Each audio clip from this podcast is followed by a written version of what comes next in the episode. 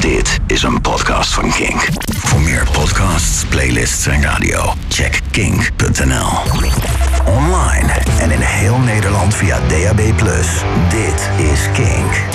Release Rundown. No alternative. Kink. Hoi, welkom bij Release Rundown, waar je elke week een gesprek hoort met een artiest over hun nieuwste album. In dit geval ga ik in gesprek met de mannen van Half Moon Run over hun derde album A Blemish in the Great Light. Er zat vier jaar tussen dit album en hun vorige album, Sun Leads Me On. Dat kwam dus uit in 2015. Je hoort straks waarom ze best wel lang de tijd namen om dit album eh, te maken. En waarom de band ervoor koos om een volledig instrumentale track op dit album te verwerken. En bijvoorbeeld ook dat ze een ruzie hebben bijgelegd met een van de nummers op dit album. Dit is de release rundown van The Blemish in the Great Light. Dit is Release Rundown. Rundown. Thanks for coming down to Kink, sitting down with me. You guys just brought out, is it out? Yeah, your third yeah, album. Yeah, Yeah, it's last been up for week. one week. One week exactly. How does it feel? Good. I, good. Yeah. Uh, great. I'm I'm really happy that it's out. It took a really long time to make it, and there was a lot of anticipation for it to come out. So it's a relief to have it out. Yeah. hmm Is it because I can imagine when you guys you took a few years right to Mhm. like to through, go through this whole process. I can imagine it can be kind of daunting as well to throw it out into the world and have it shared with people. I was so ready. I didn't even know when I put it on. I didn't even know what I was listening to. I was just like, get it out, get it out. Yeah. I'm ready. and are you open to reactions? How are people reacting to it? I don't. I try not to read anything, Okay, but uh, I think it's good. They like it at the shows. good. Oh, you've had tell. shows already. Oh yeah. Yeah. They were good. They were great. We just had a week in, of touring in England, and it was really great. Oh, good. Okay, well, that's the. I think that's the best thing to to pull by, right? That's the greatest reaction you need, as long as it works well live. Yeah, I think so. Yeah. Okay, let's dive into them. Do you guys know the track listing by heart? I do. Yeah. I do not. let's start with track number one. Uh, then again, Mhm. this one. How did that come about? Do you guys remember writing this? This uh, this got pieced together. It's kind of it's it's much older. I think there's a video of us playing it in 2014, some iteration of it, but not the what you hear now. So it's kind of been pieced together over the, the years. I think the start of it is probably around seven years old, and I just love those rising chords. And um, yeah, I don't, I don't. Yeah, it's one of these like Dev says, it's one of those ones that sometimes they take a long time, sometimes they just take a couple jams, but this one was one that took a, a long time. I think there was we we had other parts that were in there that I, we still like that we play around with that we chopped right out of the song, and so some parts made it and some didn't. And how does that work? Do you guys bring it up occasionally when you're jamming and you go back to it and then you leave it for a while, or do you just forget about it for years and then come back around to it? And A bit of both, but now we're we're organized. We bought a whiteboard, an erasable whiteboard, and we write every idea that has any merit on the board, and we give it some working title. And there's kind of like uh, columns of of like, well, this is seventy percent finished. A A column, B column, D column, and then graveyard. And graveyard is like this may never come back. and do you all record it and then go back and listen to what you had, or do you remember what you had, or how does that work? Uh, we use a recorder, um, not unlike the one you have there, to Oh. record basically everything. Some of the songs we have over a hundred recordings of, um, just live, simple. And I kind of, uh, f- for this record, actually, I went through pretty seriously and, and cataloged it all and wrote down the moments of what was really good, what had special moments. And then from there, you can kind of piece things together. You get a sense of all of the body of work, so nothing really gets lost. And I'm sure there's stuff we've missed over the years. It'll come back on the next album, maybe. Yeah, maybe. Yeah. So and then again, like you said, it kind of builds up with with these layers topping up on top of each other. And I thought it was really cool. It kind of worked up to a climax, and then it kind of felt like the vocals were quite isolated. And then it built up even more. I didn't even think that was going to happen.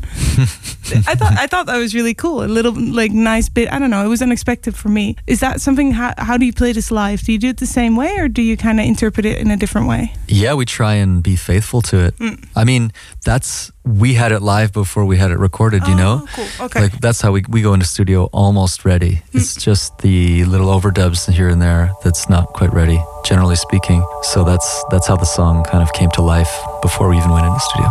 Let's listen to it. This is then again. Then again, I thought it through, and again, you'll be out on the edge of some great precipice that would redefine you again. And leave me alone to catch up. You said a lot of things I don't understand, get a piece of me, but I get an empty hand. And all of the pieces fit, but that big picture's wrong. And it's something only I'll ever know.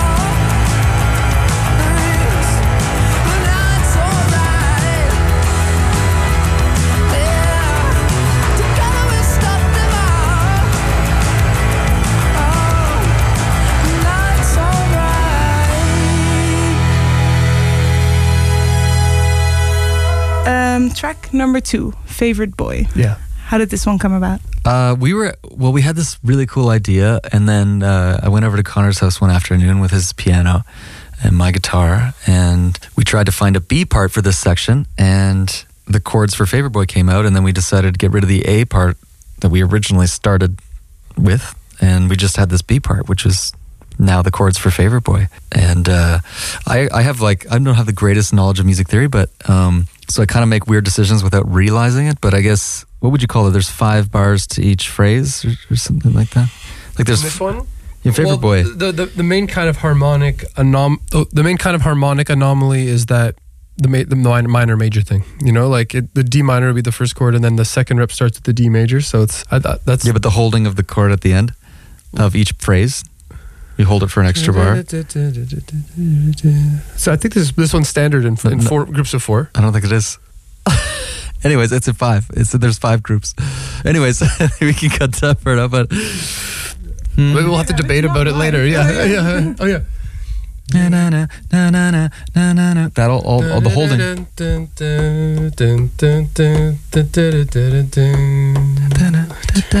That was five. That's five, yeah, you're right, Yeah, you're so it's right. two Yeah, I hadn't even thought of that. two phrases of five. Yeah, two phrases. Of. Well, I didn't notice it either when we wrote it. Two measures of five. That's something Dill would Two notice, I measures of five. Yeah, I actually five bar phrases. I only noticed it when we were shooting the music video and uh, Lauriane Lausanne, the- my, my co-star, was working at a dance routine and she was having trouble being like, everyone was going too early. And then we realized that it was actually five.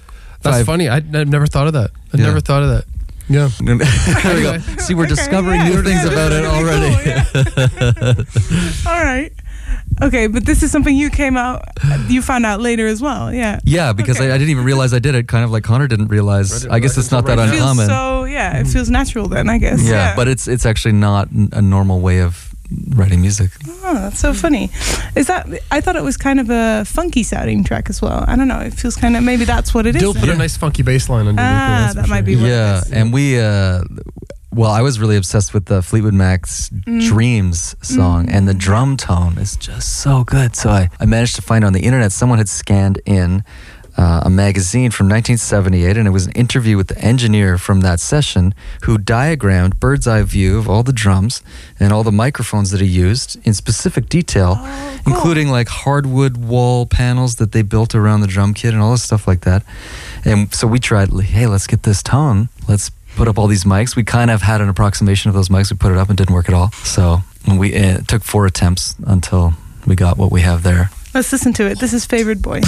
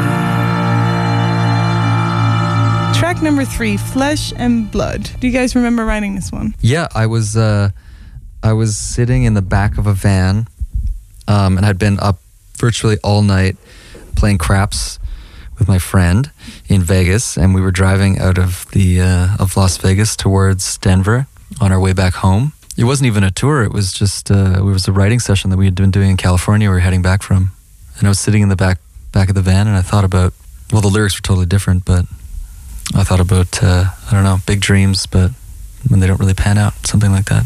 And that's where the, the lyrics came from then? Or the music as well? Um, uh, just the flesh and blood part, really. Okay. A lot of the time, a song will start as a kind of sensation. I like to think that there's unlimited numbers of uh, emotions and only so many words that you can use to describe them. So you have this very specific, poignant emotion, and you try and kind of dance around it until the average of all the words together makes up roughly the feeling that you're talking about. But you don't always nail it on the head. And then how do you get music to combine with that?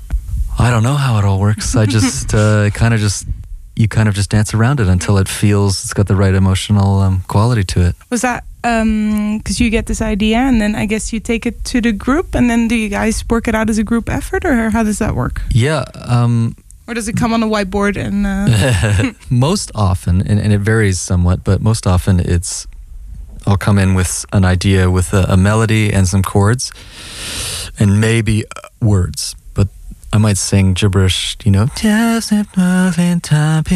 you know, something like that, and it almost sounds like words, but it's not. And then the guys will kind of fill it out, and then usually that's when the mood really starts to become clear. Yeah. at the end of this track, I think about a minute in, there's this this sound. It's a vocal, but it kind of becomes really pulled back and isolated. It's almost like it's underwater or something. It's a phaser. See, I was talking to my colleague. I was like, "What is it?" We almost don't get offended. I don't mean it offensive, but we almost called it like a whale sound because it was so far away and echoey. And do you know what I mean? Wait, is it the vocal? A minute, a minute in, No, at the a minute out. a minute from the outro? it's probably the bridge part. Well, Yeah, yeah, with the phaser, Uh, yeah, with the phaser a- vocals. Yeah, like that. Yeah, yeah, Yeah, yeah. it's a phaser. That, actually, the influence of from that came from Electric Light Orchestra. The, um, kind of, in a way. I, I mean, we, those vocals sounded when we were recording them. I think they just sounded a little bit clean and a little bit cheesy, and uh, when they were just dry, when they were, uh, and so we were looking for something to make it a little bit different. And um, if you listen to Mr. Blue Sky by ELO, they have some of those phasery kind of vocals, and so. I remember that was what the producer said. Hello, Mr. Oh, Blue wait. Sky. When the no when when the, that phaser finally worked out. Or is she the talking about the uh, the pedal still? No, I, th- I think we're probably talking about the. I the- think it was vocals. the Yeah, okay. vocals. Okay. I, I listened to it a few times trying to figure it out, wondering what that was. Uh, yeah, I think it was vocals. Okay, We did yeah. a lot of overdubs and experimenting on this one once it was done. And there's also um, 10cc. I'm not in love. I don't know if you know that. I'm not in love. Oh, yeah. But then don't forget it. But then they have that. Oh, oh, oh, oh, oh, oh. Then you kind of have that phaser sound. And then, do you guys take that with you live, or how does that work? We just do, we just sing them clean live. Mm, okay. sounds fine. Yeah, yeah, fair enough. Okay, well, let's see how many people notice. Let's listen to Flesh and Blood.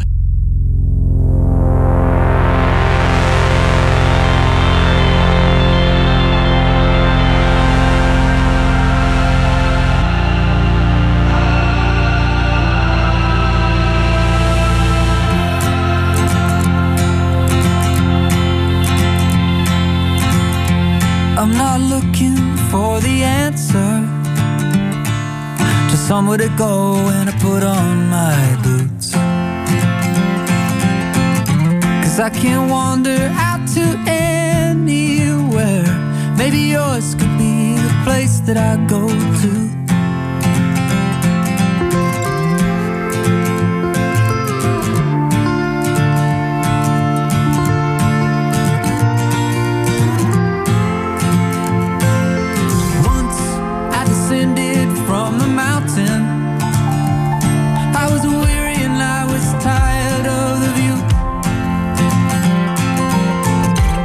Could it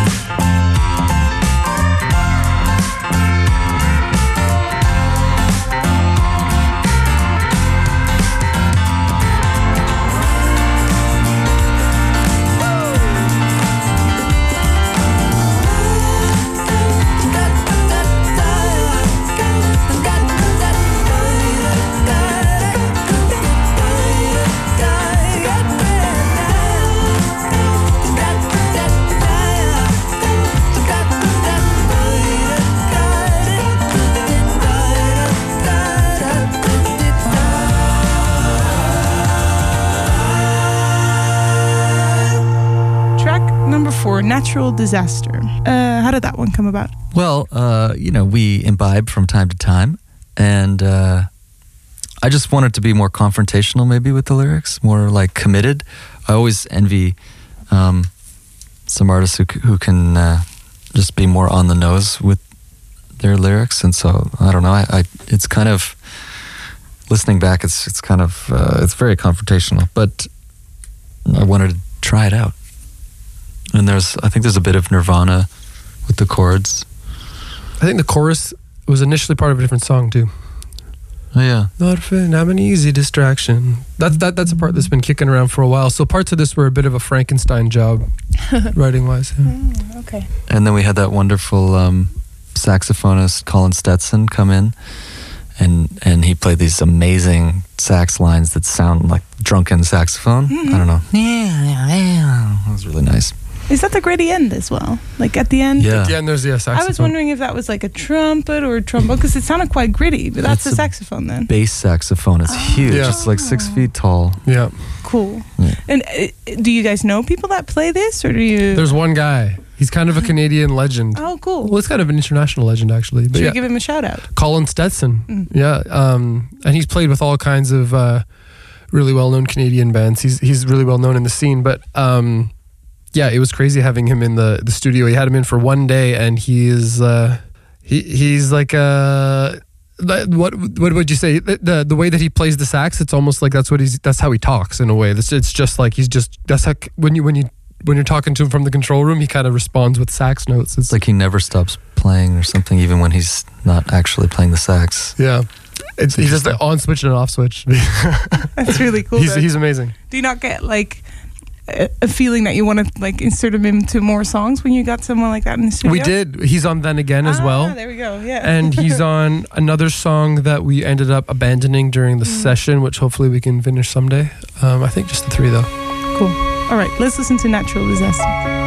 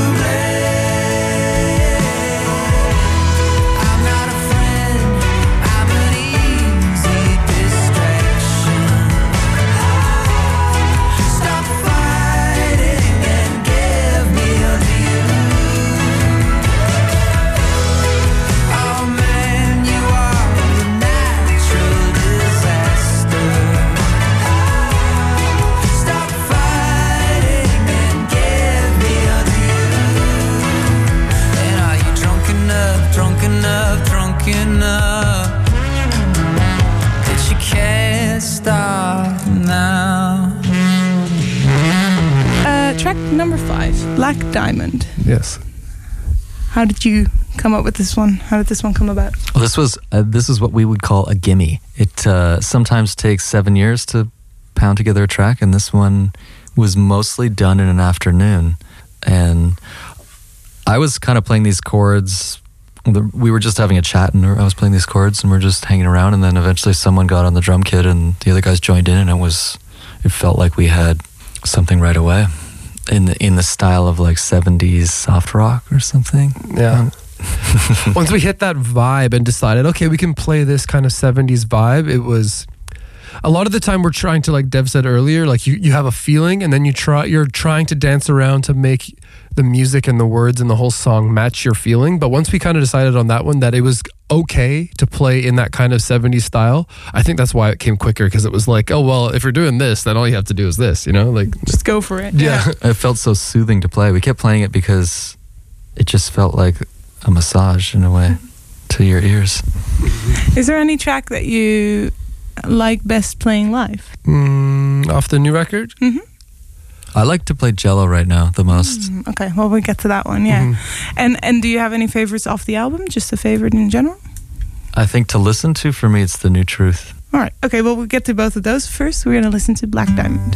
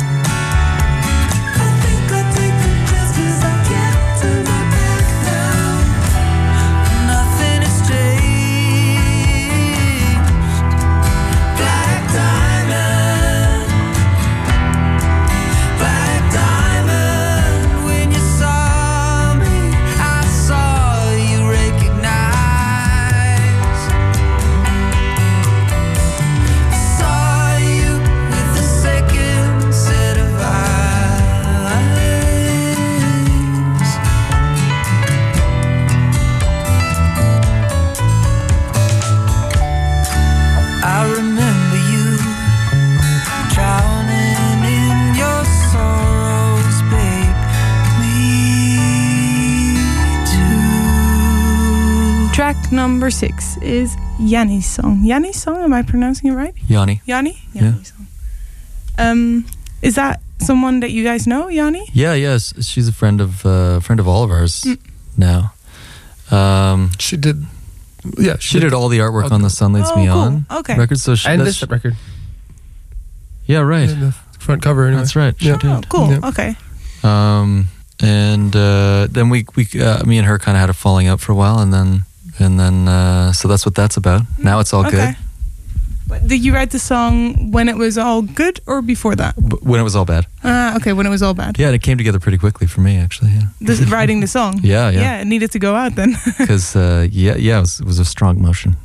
uh, and then, but is that is that awkward when you have a song like that and then you work with her again? Are you like, hey, is this okay? She's, She's a, an artist. She's a very Okay. particular type of person, and I I cleared it with her beforehand, and she said she said, "Oh, it's bloody bl- bloody brilliant, mate." Okay. She's Australian, and she loved it. Oh, perfect. Okay, so she approves. Yeah. Yeah. Um, is there? This is completely unrelated to the to the subject of the song, but is there a, a way that you get to the track listing? Like, why is this track number six? Is there any particular reason for that? Uh, endless deliberation. is what gets- no, but and, and lots of trial and error. I actually bowed out of this out of the pacing. Mm. Uh, I trust I trusted Dylan and, and the other guys to handle that. Dylan does a lot of detailed listening when it comes to pacing. He Mm. tries um, a bunch of different iterations, and I I pretty much liked everything that came along to some degree, with a few comments. But All right. Well, let's listen to track number six then, Yanni's song.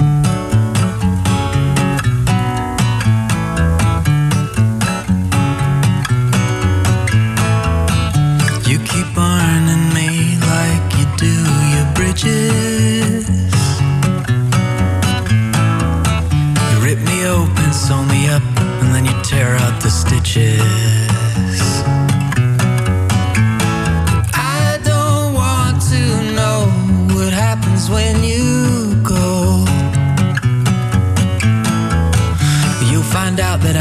Out, and I'll tell myself I told you so.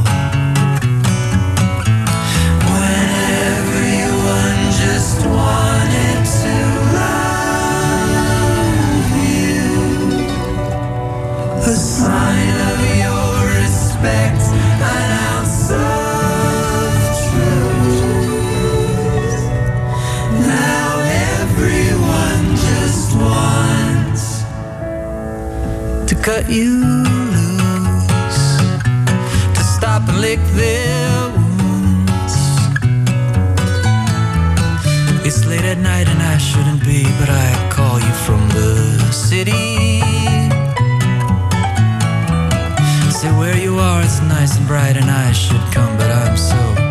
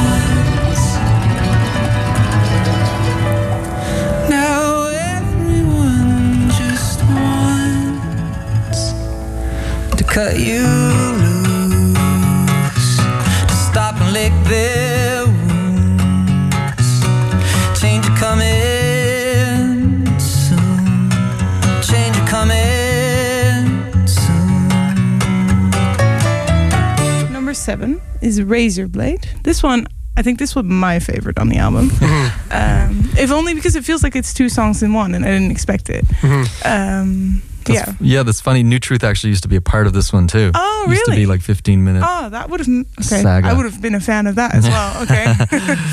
um, it's weird because just when you think the whole world is moving towards shorter and shorter music, that a lot of people bring this up, this song up. Um, again, you have parts of songs over the years, like that. That first, uh, there you were, face wrapped around a cigarette. Must be 2012 that that first Mhm. came around when we first went to Australia. And uh, I think I wrote it on the ukulele. That part, if I Uh, recall. I remember working, r- writing that actually at the cabin in Low. oh, Yeah. the first time, so 2011. First- uh, tw- probably 2011. I remember we worked out the chords and the lyrics for that in the upstairs room of the cabin. Huh. Yeah. Uh, Yeah. So yeah, damn near eight years ago. And then um, I don't know how. Oh yeah, and then the, the the verse riff I came up with a little little mini cinema in Austria in a town called Bad Gastein. And then they managed to just fit the keys, the, like the keys just fit together, so it, it was natural to go to that chorus. But it took a lot of massaging. That was definitely a craft effort. It it, it was didn't come easy. It's interesting because you say that New Truth was part of it as well. At one Is- point, yeah. Uh, Do you guys just go, oh, this is good enough to stand alone? Or it's too long, we got to cut it up somehow? Or I just love New Truth so much that I wanted to be able to just listen to it without having to wait seven minutes have its to own razor moments. Yeah, okay, fair enough. Okay. All right. But the other bits, you guys never doubted, hey, seven minutes is too long, we got to. I did. Hmm. I doubted it. But it was strong enough. It even came up in the studio that, you know, Joe said that maybe it's just all over the place or something. But It felt really good to try that risk because our previous two records, we hadn't tried anything like that. Everything was basically just a compact little tune, you know, and uh, it really felt like time to try some more um, experimental songwriting at this point.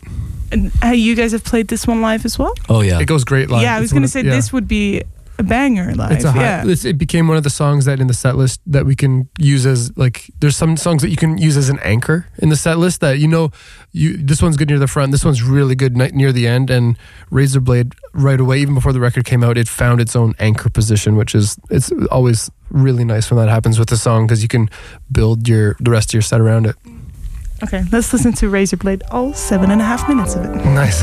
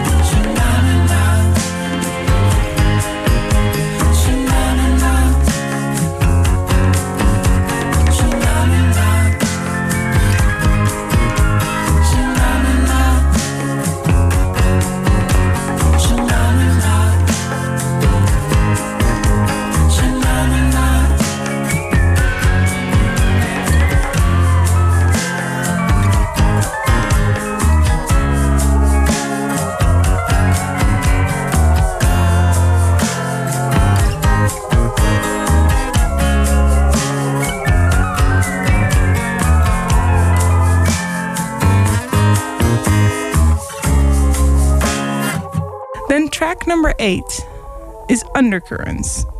And I was waiting and I was waiting and I was like, when are they going to start singing? Mhm. And you don't. this Nope. is uh, Dylan, right? Mhm. Yeah. And he's a member of your band. Mhm. He's not here. Mhm. Uh, and he plays the whole, what is it, two minutes 20? Yeah, he Mhm. plays the whole thing. Mhm. How did that happen? How did that come up on there?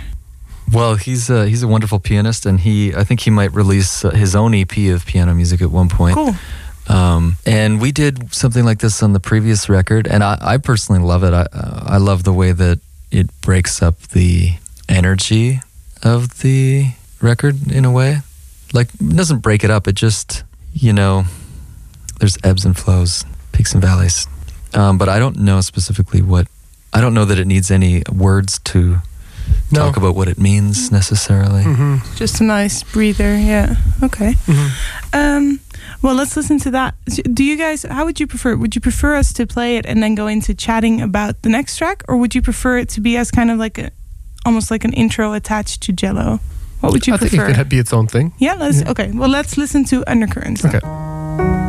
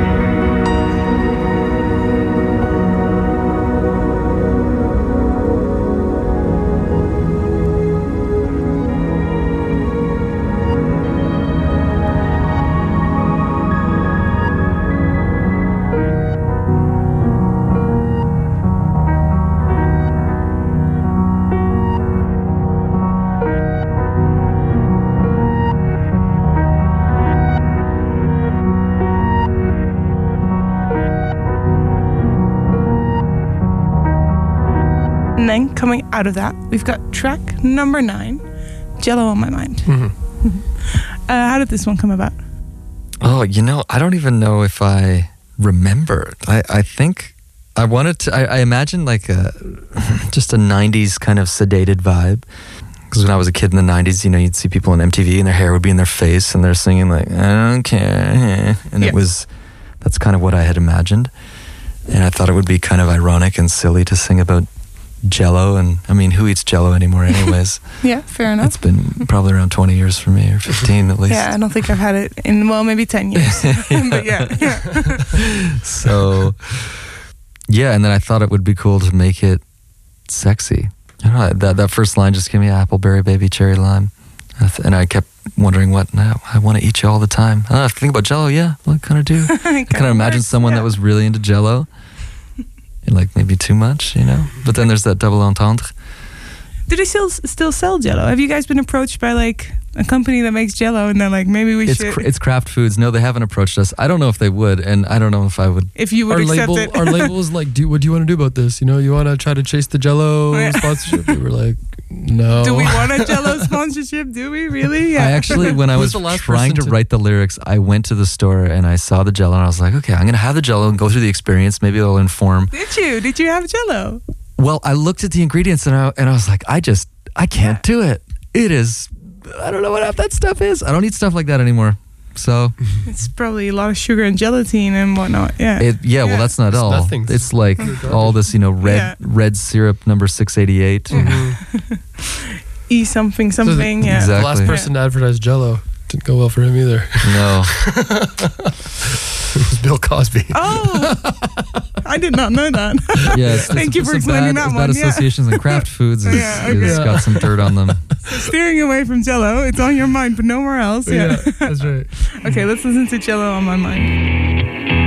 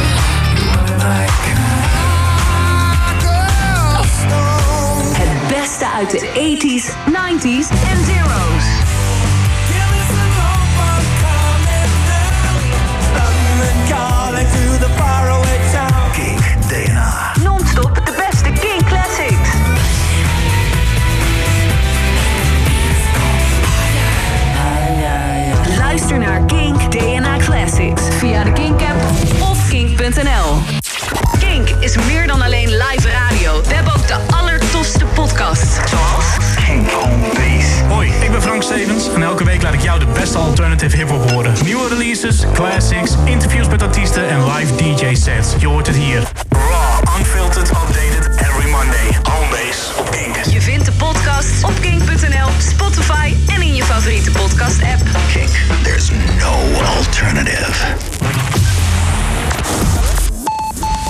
11 uur. Online en in heel Nederland via DAB+. Dit is Kink. Release Rundown. No alternative. Kink. Hey, mocht je net inschakelen, je luistert naar Release Rundown. Elke zondagavond op Kink neem ik of een van mijn collega's je mee door een nieuw album dat wij tof vinden. En dat doen we door in gesprek te gaan met de uitvoerende artiest.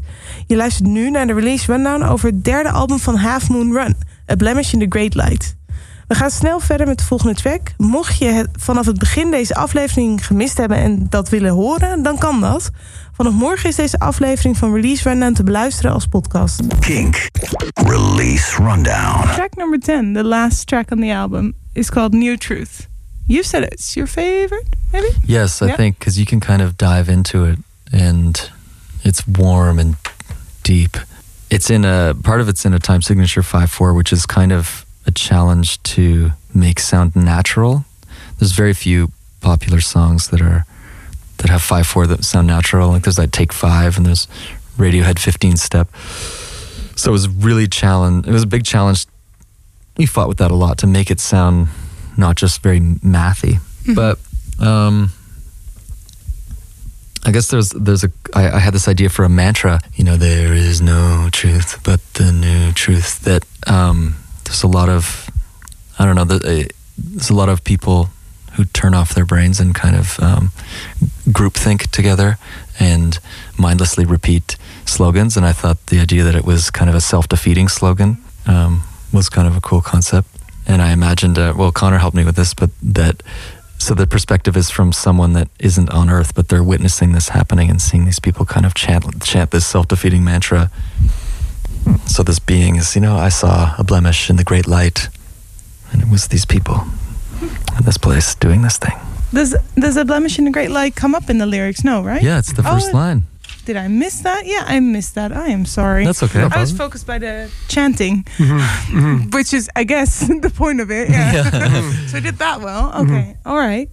Um, yeah, I was, I was fully uh, at the, in the beginning. I was like, okay, am I gonna like this? It feels kind of culty, and Yeah. and then and then, like you said, it's quite warm and it kind of embraces you. And then in the end, I found myself liking it before I even wanted to kind of dive into it. Nice. Does it build up like that life where you kind of go into the chant and then build up like that? We haven't played it for a while. We haven't played it since 2018, maybe early 2018. Oh, Um, just because we thought it might be a slow burner, and we wanted to have people to know the record a little bit before we we play it. so maybe are you gonna because you've got shows coming up here as well? You're gonna leave it off the set list for now. I think for, so. For now, yeah. Mm.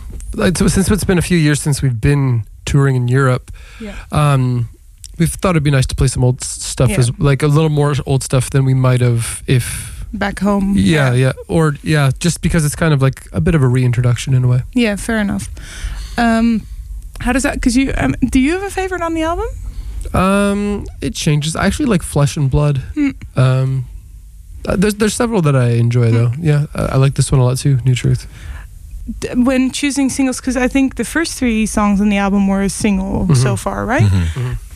When choosing singles, do you try and put your favoritism in there, or do you try and leave that on the side and think about what's best, kind of like? industry wise Yeah. There's definitely a uh, a balance between everything. I thought then again though, then then again was the first song that came out in Canada, and it was it was a good balance between all that. I thought it was like it was short enough, and it was like it happened. It it seemed to develop quick enough, and it was kind of cool and different. It seemed to be like very much represent representative of us, but also new. And then the radio people seemed to like it, and now it's doing really well in Canada. So. Yeah, so it's kind of a balance of everything. mhm. Because then, if you say that the new truth is your favorite, then I'm wondering, are we gonna like try and get that out there as a single, or Well, I think it's important to be pragmatic. Just because I think it's the best, I don't necessarily think people will like it the most. I think that you know what what is effective for the um, the format. It's important to consider, and ultimately, I don't know that it really matters because people will discover the music when they do. true? Fair enough.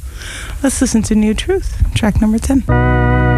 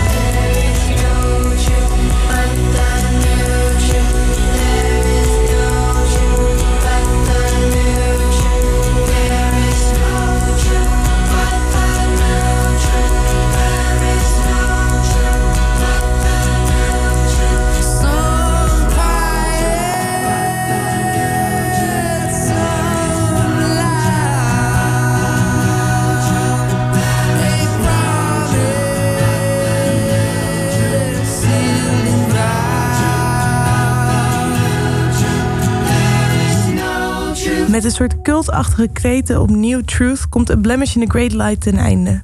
Vond je dit gesprek tof? Dan vind je eerder opgenomen release run afleveringen misschien ook leuk om terug te luisteren. Als je op kink.nl of in je favoriete podcast app kijkt, vind je eerdere afleveringen met bijvoorbeeld de Murder Capital, Amber Run of de Amazons. En wellicht vind je die ook interessant. Voor nu is dit het van mij een hele fijne avond en tot de volgende release rundown. Dit is een podcast van Kink.